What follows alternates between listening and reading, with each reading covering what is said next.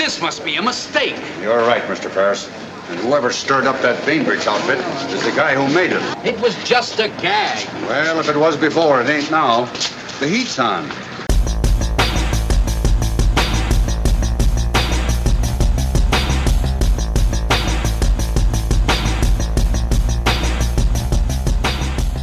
Velkommen i kassen med David Bjerre, så har vi fat i den romantiske komedie The Heat's On fra 1943.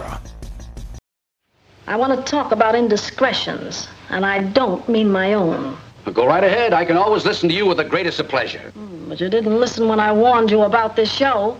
Can't you see the way it's going? It's no use. Well, if I stay with the show, I'll lose my reputation. Well, I've been working on some new promotion angles. Faye, I can make another showboat out of this. Why, the idea's cooking now. Yeah, I bet it'll be half-baked. Well, I'm giving you my two weeks' notice. Faye, you can't do that to me. Don't tell me you lost faith in me after all the hits we've done together. Yeah, five hits and one error. Well, we can fix the show up. It's easy to get a new one. Just a moment. Before you think of leaving me, you'd better read your contract. I did, and it made very light reading in bed last night. There's a certain little clause about a minimum weekly gross that lets me out very nicely. What would you do without me? Much better. Mae West lavede 10 film i Hollywood i perioden 1932 til 1943. Vi har snakket om de ni første film, og nu skal vi altså snakke om den tiende og sidste film. Og det er en lille smule vemodig at slutte den rejse, fordi den kære Mae West, hun har kæmpet en hård kamp. En kamp, hvor hun har tabt adskillige slag undervejs, og nu er den kamp altså ved at være slut. Spørgsmålet er naturligvis, går hun ud med et brag eller med en ynkelig klynken? Er The Heat's On et værdigt punktum for Hollywood-karrieren for Mae West? Det er det, vi skal kigge på nu. Men først historien.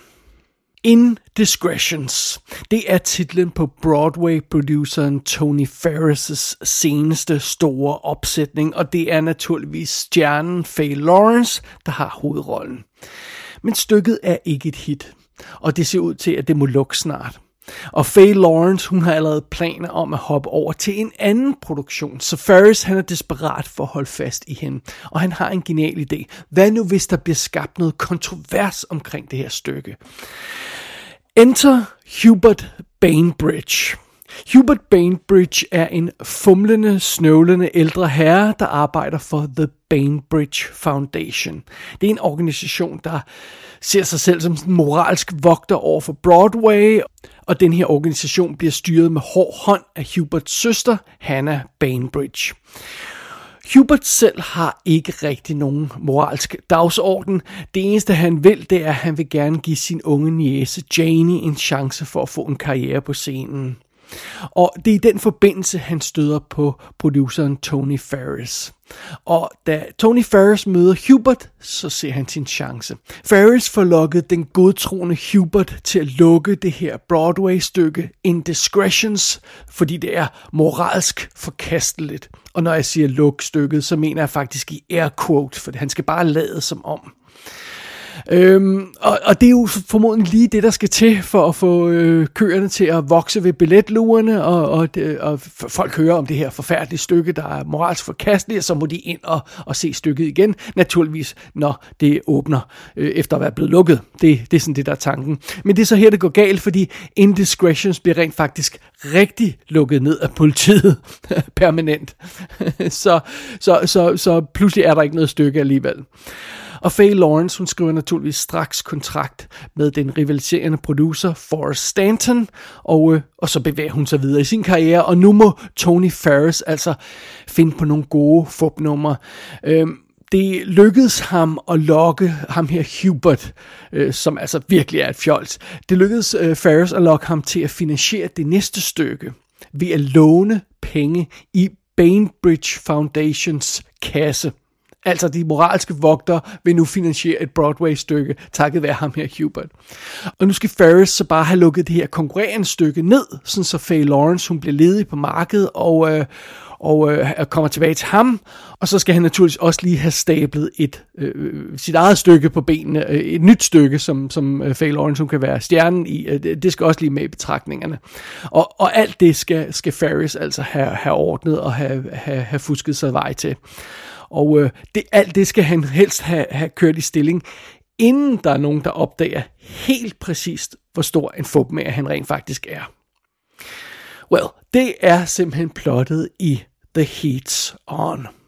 Og filmen den er instrueret af Gregory Radoff. Han har 30 director credits på sit CV. Han har blandt andet lavet 1949 filmen Black Magic med Orson Welles. Derudover har han altså også en del skuespiller credits på sit CV. Han var blandt andet med i All About Eve i 1950, og så var han med i 1933 filmen I'm No Angel. Yes, den selv samme no, I'm No Angel, som vi har snakket om tidligere, for det er Mae West-filmen, øh, som, øh, ja, det er hvad, hendes tredje film, er det vist, ikke?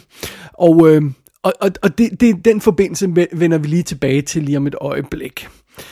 Som sagt, det er naturligvis Mae West, der spiller øh, en af hovedrollerne i den her film. Hun spiller Faye Lawrence, den store Broadway-stjerne, som den her producer gerne vil have fat i igen. Det er som sagt hendes tiende og sidste film i Hollywood-perioden. Jeg tror ikke, jeg har nævnt det så meget, men hun har jo altså lavet to film senere i sin karriere. Uh, Maya Breckenridge fra 1970 og Sextet fra 1977. Men der er altså ikke noget i det, den periode mellem 1943 og 1970 af, af, af film. Og, og de to film ligger sådan uden for Hollywood-karrieren. Det er derfor, vi siger, at Mae West har den her meget fokuserede, præcise Hollywood-karriere på 10 film. Uh, vi tæller, tæller, tæller ikke de to sidste med. Så sådan er det. Og som jeg også nævnte tidligere, så har Mae West altså ingen manuskript credit på denne her film. Det er første gang, efter hun begyndte at, at overtage sin egne film, altså siden She Done Him Wrong. Den allerførste film, hun lavede, havde hun heller ikke manuskript på, men, men, men det var så heller ikke rigtig hendes film. Men det her, det er altså for første gang, at hun, øh, efter hun blev en stor stjerne, hvor hun har haft credit, manuscredit på alle sine produktioner. Det er første gang, hun ikke har det her. Og øh, derudover så må hun altså som skuespiller med West, hun må dele øh, credit-skilt med, med to andre spillere, og øh, så, så der er tre skuespillere, der står der på første øh, skuespiller credit-skilt, så ja, det er jo ikke helt det, hun er vant til, men, øh, men sådan er det. Derudover på rollelisten her, så har vi altså sådan noget som William Gaxton, der spiller Tony Ferris, den her suspekte øh, Broadway-producer. Han har kun lavet 12 film mellem 1926 og 1959, og der var ikke nogen andre, jeg kendte af dem. Så jeg mener, jeg kender ikke rigtig historien bag ham, og hvad han ellers har gået og lavet. Men øhm, sådan er det.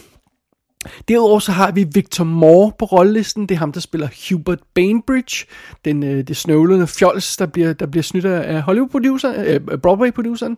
Og øh, han har været med i en masse ting. Han har været med i 1936-film Swing Time, og øh, 1947-film It Happened on Fifth Avenue. Han har lavet masser af stof.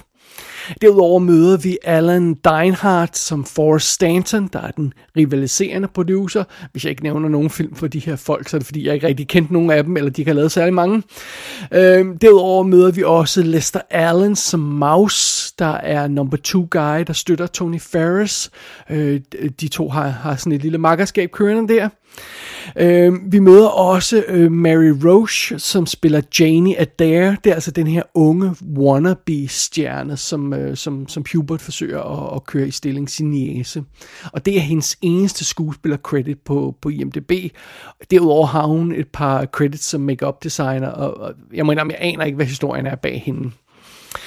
Hendes kæreste i filmen dukker også op, Andy Walker, øh, altså den her unge øh, skuespillerindes øh, kæreste. Og den her øh, karakter, som er, som er en, øh, som er en øh, soldat, øh, Andy Walker, han bliver spillet af Lloyd Bridges.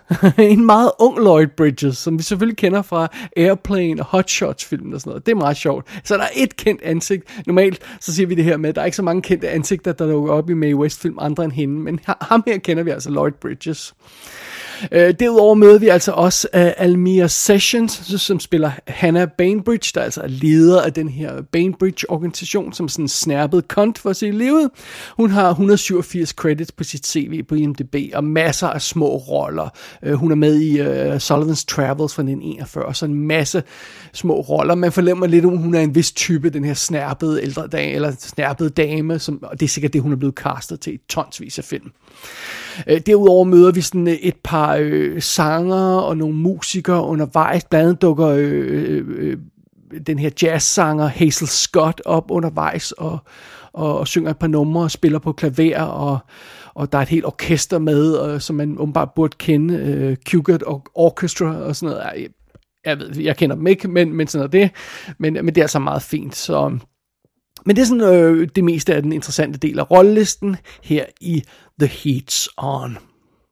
Hey, boss, we're in trouble. You trying to be funny? No, there's a guy upstairs wants to see you from the Bainbridge Foundation. Bainbridge Foundation? Yeah. You know, one of them cleanup deformers. Send that long hair in. Yeah, but this guy ain't got no hair. Send him in anyway. Okay. Okay, bud.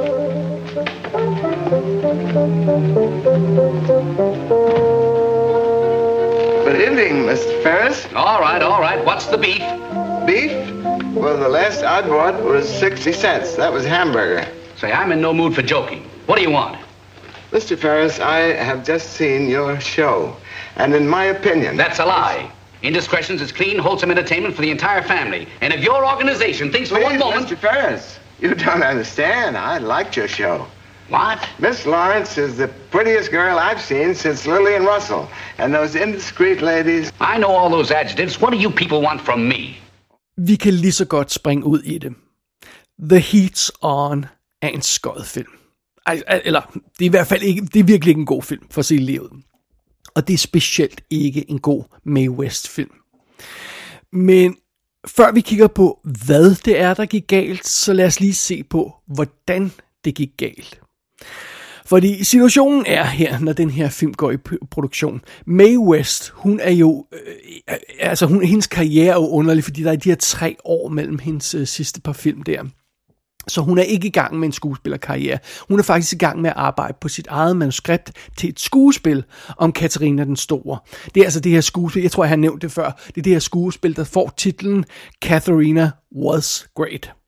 Og det skal være sådan lidt humoristisk og lidt seriøst og sådan noget, og det er en stor historisk figur, og, og øhm, øhm, Mae West er meget opsat på at få sat det her øh, skuespil i produktion. Øh, hun har arbejdet på historien i, i flere år, det er hendes drømmeprojekt. Oprindeligt var det tiltænkt som en film, men den ville blive for dyr at lave, så nu har hun altså tænkt sig at lave det som et skuespil, og det er det Mae West arbejder på i øjeblikket.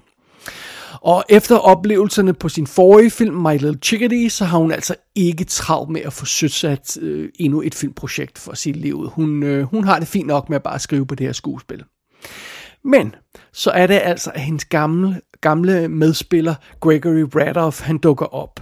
Han er jo altså instruktør nu, og han har gang i et nyt projekt, som han gerne vil have Mae West til at være med i. Og det er sådan underforstået, at han ikke rigtig kan få det finansieret, hvis ikke hun siger ja til det. Øh, projektet hedder Tropicana, og øh, det, det indvilger Mae West så at være med i, uden at have læst manuskriptet. Fordi der er ikke rigtig noget ma- manuskript endnu. Så hun har bare fået præsenteret ideen af, af sin gamle ven der, og det virker som om det er ren og skær loyalitet, der gør, at hun siger ja til det her projekt, øh, uden egentlig at vide, hvad det sådan helt kom- præcis kommer til at gå ud på. Og det, der så efterfølgende sker, er lidt noget rod. Og det er, det, vi, øh, det, det her, vi finder øh, kernen til filmens problemer. Som jeg forstår det, så har Radoff altså øh, gang i et andet instruktørprojekt i øjeblikket, og det er det, han er ved at lave færdig nu. Og det er derfor, han ikke rigtig har tid til at arbejde på det her Tropicana-manuskript og gøre det færdigt, så han kan sende det til Mae West. Og det bliver hun en lille smule pest over. Men alligevel, så går han åbenbart i gang med at skyde nogle omfattende musical-numre til den her film, der ikke har et manuskript endnu. Sådan et rigtigt manuskript. Og historien i den film, der kommer til at eksistere, den vil så være bygget op omkring de her musical-numre. Og de er åbenbart rimelig omfattende og rimelig dyre at, at, at få, få, få i scenesat.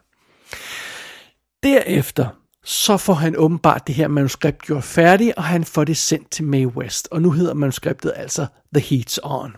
Og Mae West læser det her manuskript, og hun bliver forfærdet. Der er ingen chance for, at hun vil spille den rolle, som der øh, er til hende i manuskriptet, og hun beder om at blive løsladt fra sin kontrakt. No way, no sir, hun vil ikke være med alligevel. Og apparently så dukker Gregory Radoff op og tigger hende om at blive på filmen. Fordi han er jo gået i gang med at filme scener til filmen, og pengene fosser ud af kassen, og hvis hun går for, projektet, så går han bankerot. Og øhm, delvis fordi der er nogle øh, investorer, der, der forventer, at Mae West er med i filmen. Det er derfor, de har givet penge til den. Men apparently så er der også et eller andet haløjse med, at der er nogle sådan gangsteragtige bagmænd, som man er bange for. så, så hvis ikke øh, Mae West er med i projektet, så bliver de sure, og, og, og så kan der ske slemme ting med, med den her instruktør, Gregory Radoff. jeg, jeg ved ikke, om det passer, men det, det er sådan noget, der bliver nævnt som rygte. Og så, så åbenbart så er det sådan lidt for at beskytte hans rygte, og, og vist nok også hans liv, og, og så beskytte lidt sit eget rygte, for at hun, hun holder ved sine løfter. Det er så åbenbart derfor, at Mae West, hun indvilger i at blive på en betingelse. Hun får lov til at skrive alle sine egne scener om. Og det gør hun så. So what do you know? Mae West, hun skrev altså alligevel sin sidste film. Eller dog ikke hele filmen, bare sin egne scener. Hun har ikke credit øh, øh, for det på noget sted, men hun skrev rent faktisk sin egne scener selv. Og det var jo så også det, hun gjorde på den første film, hun lavede i Hollywood, Night After Night. Jamen altså, den symmetri er sgu da uimodståelig. Så det, det er altså baggrundshistorien for, hvordan den her film egentlig kom i gang og kom, øh, kom til at se ud, som den gjorde. For at være helt fair, det virker ikke som om The Heat's On på noget tidspunkt var et mesterværk. Men det her med at, at omskrive halvdelen af filmen midt i produktionen, det hjælper i hvert fald ikke. Altså, vi har jo så scener i den her film, der er skudt til en version af filmen, som nu skal passe med en helt ny storyline, som Mae West finder på for sin karakter, fordi hun har skrevet hele historien øh, omkring sin karakter om, og, og øh, altså, det, det færdige resultat i den her film, det, øh, det kan jo bedst beskrives som en eller anden slags feberredning for at redde det eksisterende materiale og redde den her produktion. Og det, det er altså ikke en køn feberredning, det er det altså ikke. Øhm, sådan er det det vi ender med er en virkelig svag historie, der er fuld af fyldsange. Altså, det, det, det er lidt et problem. The Heats On har et reelt plot, der kan strække sig sådan til lidt under en times spilletid. Men der spiller altså 80 minutter. Og det vil sige, at en fjerdedel af, af spilletiden øh, er de her fyldsange øh, og de her musical numre, som simpelthen allerede er halvvejs skudt, når, når filmen går i gang. Og, og, og for lige at beskrive, hvordan det ser ud i filmen, så, så, så, så lad os gå sådan lidt øh, øh, meget omhyggeligt til værks her. Det starter sådan, problemerne starter sådan cirka et kvarter ind i filmen, når man ligesom får etableret hele situationen, og, og sat det her op med konkurrerende producer, og, og, og, og den, her, det her, øh, den her talentfulde stjerne, øh, Faye Lawrence, i, i centrum af det hele, og bla bla bla når alt det er sat op, så skal vi ligesom i gang med, med, med, med selve historien. Øh, og undervejs så skal vi altså til et lille musiksted, og vi skal møde sådan et band. Og det, der så er konceptet for scenen, det er så, at det er der, som den her øh, suspekte producer, Tony Ferris, det er, den, det, er det, det lille musiksted, han ofte kommer til, og der møder han nogle af de folk og musikere, som han ender med at hyre til sine stykker. Det er sådan det, der er konceptet. Men øh, under omstændigheder, vi, vi ankommer til det lille musiksted, øh, og så øh, starter der en sang øh, på, på, på scenen, øh, en, en spansk sang, som bliver sunget af en smuk virkelig smuk ung sangerinde. Hun er ekstremt betagende at se på, og der går måske et lille stykke tid, før man opdager, at øh, den her sang har ingen funktion i historien. Og vi skal se hele sangen blive øh, fremført, og det var to og et halvt minut. Og hun står og danser og synger på spansk, det er helt vildt øh, øh, øh meget betagende at se på, men det har ingen funktion. Og efter det, så får vi en kort scene, hvor vi lige øh, samler op på, hvor produceren øh, Tony Ferris, han er i, i sit liv, og, og øhm, han, han, han, han ser den her musiker, og han har nogle idéer, og så vil han lige tjekke ind, hvordan går det egentlig med det her nye show, som hans tidligere stjerne vil være med i, så han sniger sig ind og overværer en prøve på det show. Så det vil sige, filmen får lige presset en to og en halv minuts reel øh, scene med noget reel historie ind i plottet, før vi skal i gang med den næste sekvens, der handler om musik og dans. Fordi nu skal vi så overvære den her prøve, som Tony han sniger sig ind til, og det betyder, at vi får en fire et halv minuts lang sang- og dansesekvens, der heller ikke har nogen funktion i historien. Ikke andet end at vise jer, at der er et stykke, der er ved at blive arbejdet på, og, og, og de er ved at øve nogle sange, så ja, det er altså meget fint. Men det, kan vi, altså, det behøver vi jo ikke en fire og en halv minuts lang øh, sekvens for, for, for fat. Øh, så, så vi bliver sådan tvangsindlagt til at se endnu en kæmpe musical og, og sang- og danssekvens. Okay, fair nok. Så fortsætter filmen. Så går den i gang med at få, få stablet lidt mere historie på benene, og det, der går sådan cirka 6 minutter med det så er det pludselig, at vi havner tilbage i det der før omtalte lille musiksted, som, som Tony han dukker op i øh, tit, og så skal vi se endnu en sang. Og det er igen den her søde sangerinde, som i øvrigt hedder øh, Lina Romay, der, øh, der, der dukker op og synger en, endnu en, en betagende sang. Og, og hun er smuk at se på, og det er altså meget fint. Men den her gang får vi altså en tre minutters lang sangsekvens, der intet har med historien eller noget som helst andet at gøre. Og, og, og jeg ved selvfølgelig godt, det, det, det, det, det er mordigt unfair at sidde og se en film med sådan en stopur og sige, okay, to og en halv minut scene, to og en halv minut sang, to og en halv minut, altså det, det, det kan man jo selvfølgelig ikke.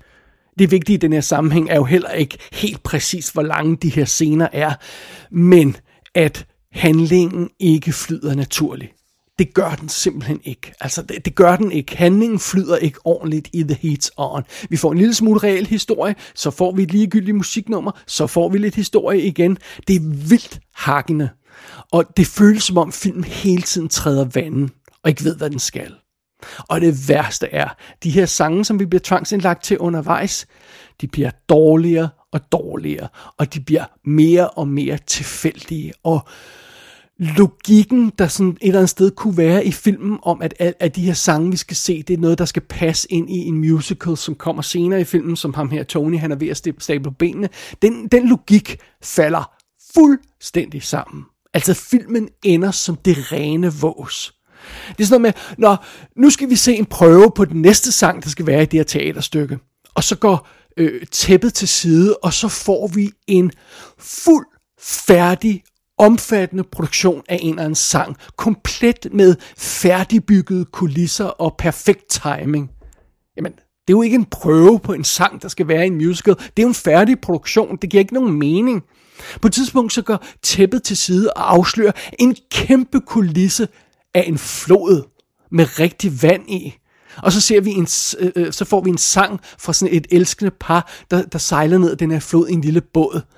Og det passer overhovedet ikke ind i noget som helst stykke, som vi overhovedet har hørt øh, tale om i den her film. Og hvor fanden i helvede kom den der flod pludselig fra? Og så går, går, går, går, går øh, øh tæppet for, øh, for igen, og så næste gang øh, tæppet går op, så, så er der ingen flod. Altså, så er det her, den her kulisse bare væk. Altså, det, det er jo nonsens. Det, øh, og, og et eller andet sted, så kan man jo godt, man, man kan selvfølgelig godt acceptere en vis form for kunstnerisk frihed, og det her med, når man, det, øh, der er en fyr, der ser, ser på en prøve af en sang, men vi som publikum ser, hvordan den endelige sang vil se ud. Det kunne man måske godt forsvare på en eller anden plan. Men, men, men, men, øhm, men nej, ikke sådan, sådan som det er i filmen her. Der, der, det, det er ikke sådan, det fremstår. Øhm, den her måde, som de her sange og musical numre bliver præsenteret på i The Heats On, det får dem til at fremstå, som om de er tilfældigt klippet ind. Altså, de er slet ikke en del af filmen. De passer slet ikke ind i noget. Det er fuldstændig random. Og jeg var så tæt på at begynde at spole undervejs i den her film i de her sangnumre. Men jeg tvang mig selv til at se hvert eneste sekund af de her ulidelige, ligegyldige musiknumre, som dukker op undervejs. Og jeg tror, at det, som er mit største problem med The Heat is On, det er, jeg kan simpelthen ikke forestille mig, hvordan det her kunne have set ud som en god film på noget tidspunkt i dens produktion. Altså, hvordan lykkedes det Gregory Radoff at sælge den her idé til folk, og specielt til Mae West i første omgang? Hvordan har han solgt den her idé med, med de her random øh, uh, musical numre og den her svage historie? Det, altså, det, det kan jeg slet ikke få til at give mening. Som jeg nævnte tidligere, så fik Mae West lov til at blande sig i den her historie ved at skrive sine egne replikker om, og faktisk skrive hele sin egen karakter om, og hele hendes historie om, øh, den her øh, fake-karakter, Faye Lawrence.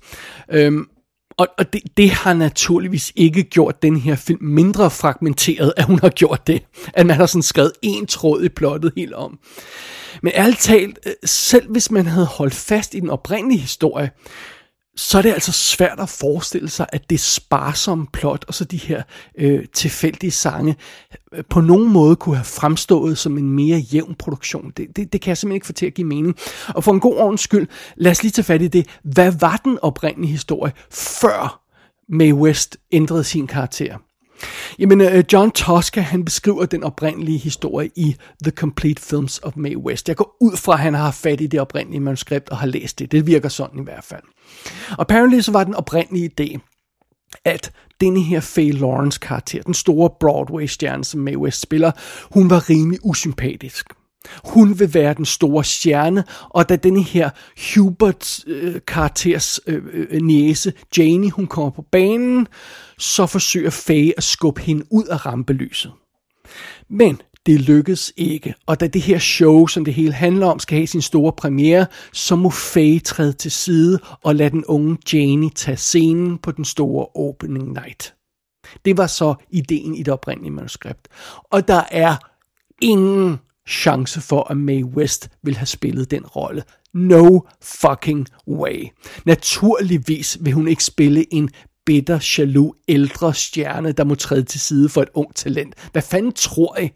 Øhm, naturligvis vil hun ikke spille en, en kvinde, der bliver udmanøvreret af adskillige mænd undervejs i historien. Altså, hvordan, hvordan fanden kunne nogen forestille sig, at Mae West, Mae fucking West, vil spille sådan en rolle? Det giver ingen mening.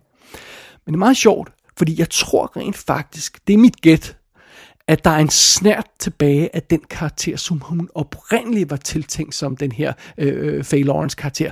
Prøv lige at høre denne her replikudveksling, som altså er i den færdige film. Oh, this is my niece Janie, Miss Lawrence. Oh, this little girl with a career and doesn't know what to do with it, huh? Well, I'm afraid, Miss Lawrence, I won't get a chance to do anything with it now. Well, anyone can have a career. Why not be different? Don't have one. Oh, but she has true natural talent. Mm, well, haven't we all? Det her, det er jo altså Mae West, der sætter den her unge stjerne på plads på en ukarakteristisk hård måde for Mae West. Det er jo ikke altid, hun har været sådan en type, der, der støttede andre kvinder i sin film og sådan noget. Men alligevel, nogle gange har der været det her med, at vi er trods alt et sisterhood, og vi skal stå sammen og sådan noget. Øh, og, og hun har i andre tilfælde hjulpet yngre øh, karakterer med, med, med, med at få styr på deres liv. Det er godt nok ikke det, hun gør her. Øh, det, jeg synes, det virker ukarakteristisk for det, som Mae West ellers gør i den her film, den her ene scene, og jeg og lurer mig, om den ikke er et levn fra det oprindelige manuskript. Og noget andet, der er ukarakteristisk ved den her film, når det gælder Mae West, det er, det er ikke hendes film. Altså det meste af tiden føles det her ikke som Mae Wests film. Det føles som den lumske producer Tony Ferris' historie en stor del af tiden. Andre gange så føles det som den her sølle Hubert. Øh, øh, det føles som om det er ham, der er i centrum for, for, for, for plottet, fordi meget drejer sig om ham og hans fusknummer med, med, med at finansiere det her Broadway-stykke og sådan noget. Så han overtager historien nogle gange. Øh, men det er meget sjældent, at det her reelt føles som en Mae West-historie. Og øh, nu har jeg ikke siddet timet det selv, men ifølge John Tosca, så er hun på skærmen med West i lidt over 24 minutter af den her 80 minutter lange film. Og det, det passer meget godt med, med, med min vurdering på, hvor, hvor meget hun er med i filmen. Det føles ikke som Mae West-film, det her. Men, okay, fair nok. På trods af, at det her ikke er en særlig Mae Wested Mae West film, så er der alligevel blevet plads til et par gode, klassiske, velkendte, rappe replikker i hendes stil. Doesn't your conscience ever bother you? No, it amuses me. How much did this adventurous take you for? He's so cute, I only took him for granted. It would be a fatal blow to our name and tradition. Why, my ancestors came over on the Mayflower. Oh, you're lucky. Now we have immigration laws. Undervejs får hun også snedet sådan en sangtekst ind, der, der virker som om det vil være noget, som censuren normalt vil gå amok over. If you want things put in order, come and see me south of the border. Og der er altså også undervejs blevet plads til et par rappe replikker fra nogle af de andre karakterer i filmen. Have you no modesty? Do you think I'd let any man see my legs? You think he'd want to? Så alt andet lige, øh, i nogle passager, nogle enkelte momenter, så, så okay, fair nok, så er der en lille snært af, af OG Mae West i den her film, men det er godt nok ikke meget. Men jeg synes, det der virkelig skuffer med The Heat is On, det er, at filmen ikke engang formår at udnytte de muligheder, der rent faktisk er i historien. Altså, der kunne være kommet noget ret interessant ud af den her film, hvis den havde haft bid og nosser. Fordi lad os huske på, hele omdrejningspunktet for den her historie, det er jo den her gruppe med af moralske vogtere, der, der, øh, der får politiet til at komme og lukke ned for uanstændige stykker på Broadway. Øh, og, og rent faktisk så, så er det en del af den her film, at øh, øh skuespillerne bliver smidt i fængsel for, for, for at være med i de her stykker.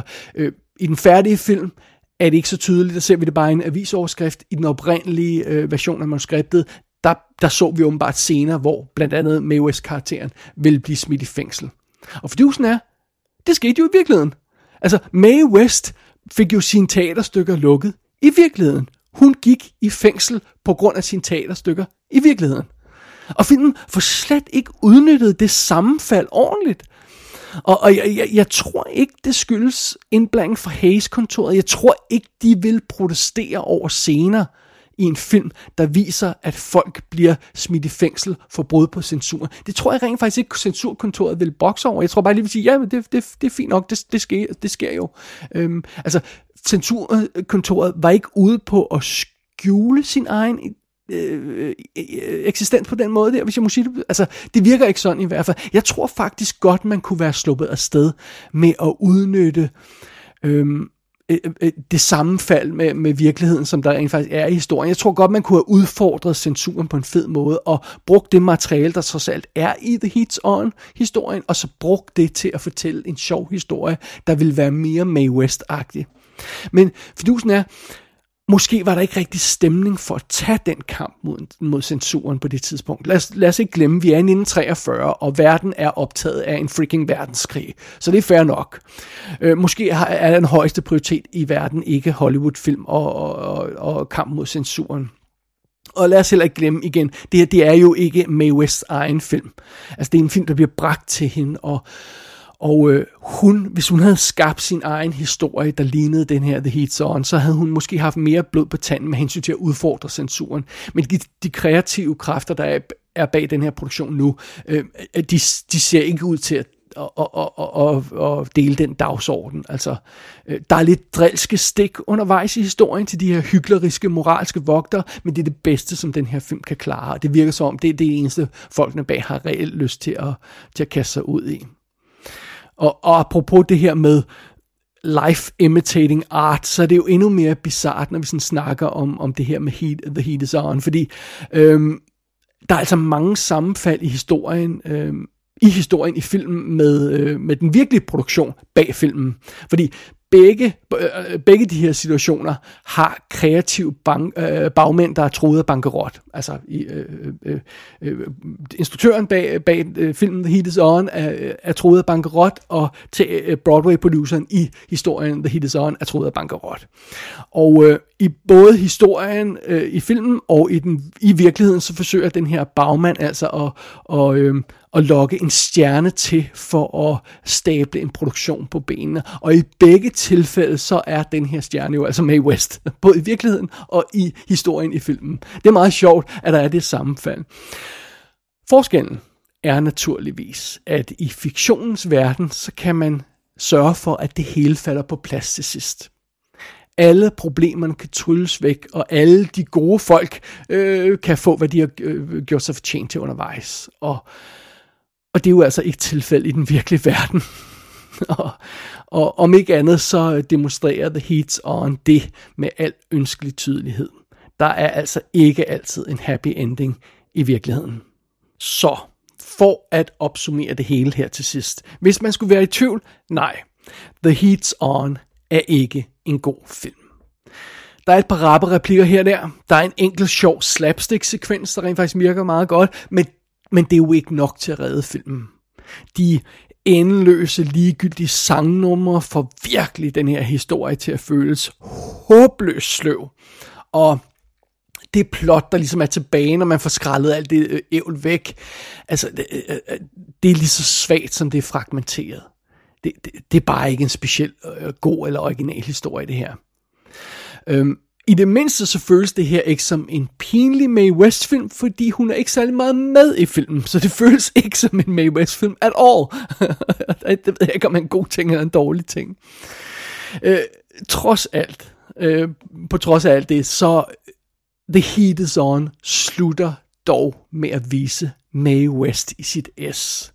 Hun får lov til at synge en sang på en kæmpe scene, omgivet af mænd foran et tryllebundet publikum i et propfyldt teater. Det er sådan, den her film slutter med at vise os Mae West. Og det er alt andet lige en passende og en værdig slutning. Desværre kommer den jo altså så i en ekstrem svag film, der ingen gang er værd at se, bare for at se på Mae West. Så, Mae West, hun synger sin sang færdig, filmen går i sort, og de End-skiltet kommer på. Og således slutter Mae Wests Hollywood-karriere. Alright, det kan godt være, at Hollywood er færdig med Mae West, men Mae West selv er på ingen måde færdig. Hun har stadigvæk en stor karriere foran sig, bare ikke på biograflæret. Og vi er heller ikke færdige med Mae West. Normalt, når vi laver sådan en franchise gennemgang her til i kassen, så vil jeg lave en eller anden form for opsummering i den sidste anmeldelse. Hvad har vi lært i løbet af den her serie, og bla bla bla, alt sådan noget løjse. Det gør vi ikke i det her tilfælde, om jeg så må sige, fordi vi laver ikke bare en lille hurtig opsummering her til sidst, vi laver et helt opsummeringsshow. Når vi vender tilbage til Mae West, så er det med en mere omfattende snak om hendes biografi, som jeg sådan har læst løbende, mens jeg har set de her øh, film. Men jeg kan desværre ikke rigtig læse den færdig, før jeg var færdig med filmene, fordi som så mange biografier, så spoiler den jo altså ting undervejs, ved bare at fortælle handling og slutning i alle film, øh, den kommer forbi. Så det, man kan ikke læse det, man er nødt til at læse det sådan løbende, efter man har set filmen, hvis ikke man har noget at spoil på forhånd. Så det har jeg gjort. Så den biografi bliver jeg færdig med, øh, når vi skal lave det store øh, opsummeringsshow. Derudover så skal vi snakke om den tv-film, der er lavet om hendes liv, altså med Mae West bare. Der er også lavet en relativt ny, ny dokumentar om Mae West, og den skal vi også hive fat i. Og så er der en, en række andre øh, assorterede småting, vi også skal have fat i. Blandt andet øh, den notoriske radiooptræden fra 1937, som jeg nævnte i Everyday's a Holiday-anmeldelsen. Den skal vi også have fat i igen. Så, hvis planen holder, og det gør den forhåbentlig, så vil øh, det kommende i kassen Talks show altså kom til at handle om alt det her, jeg har nævnt her. Men indtil da, så lader vi tæppet gå ned på Mae Wests karriere.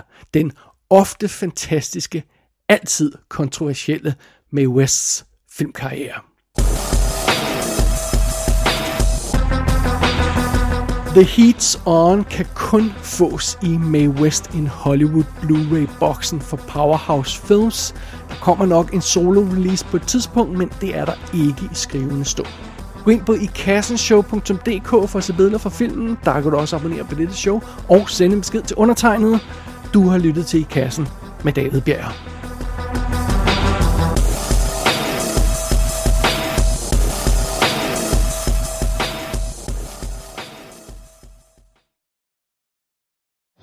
I'm here to melt out of freeze.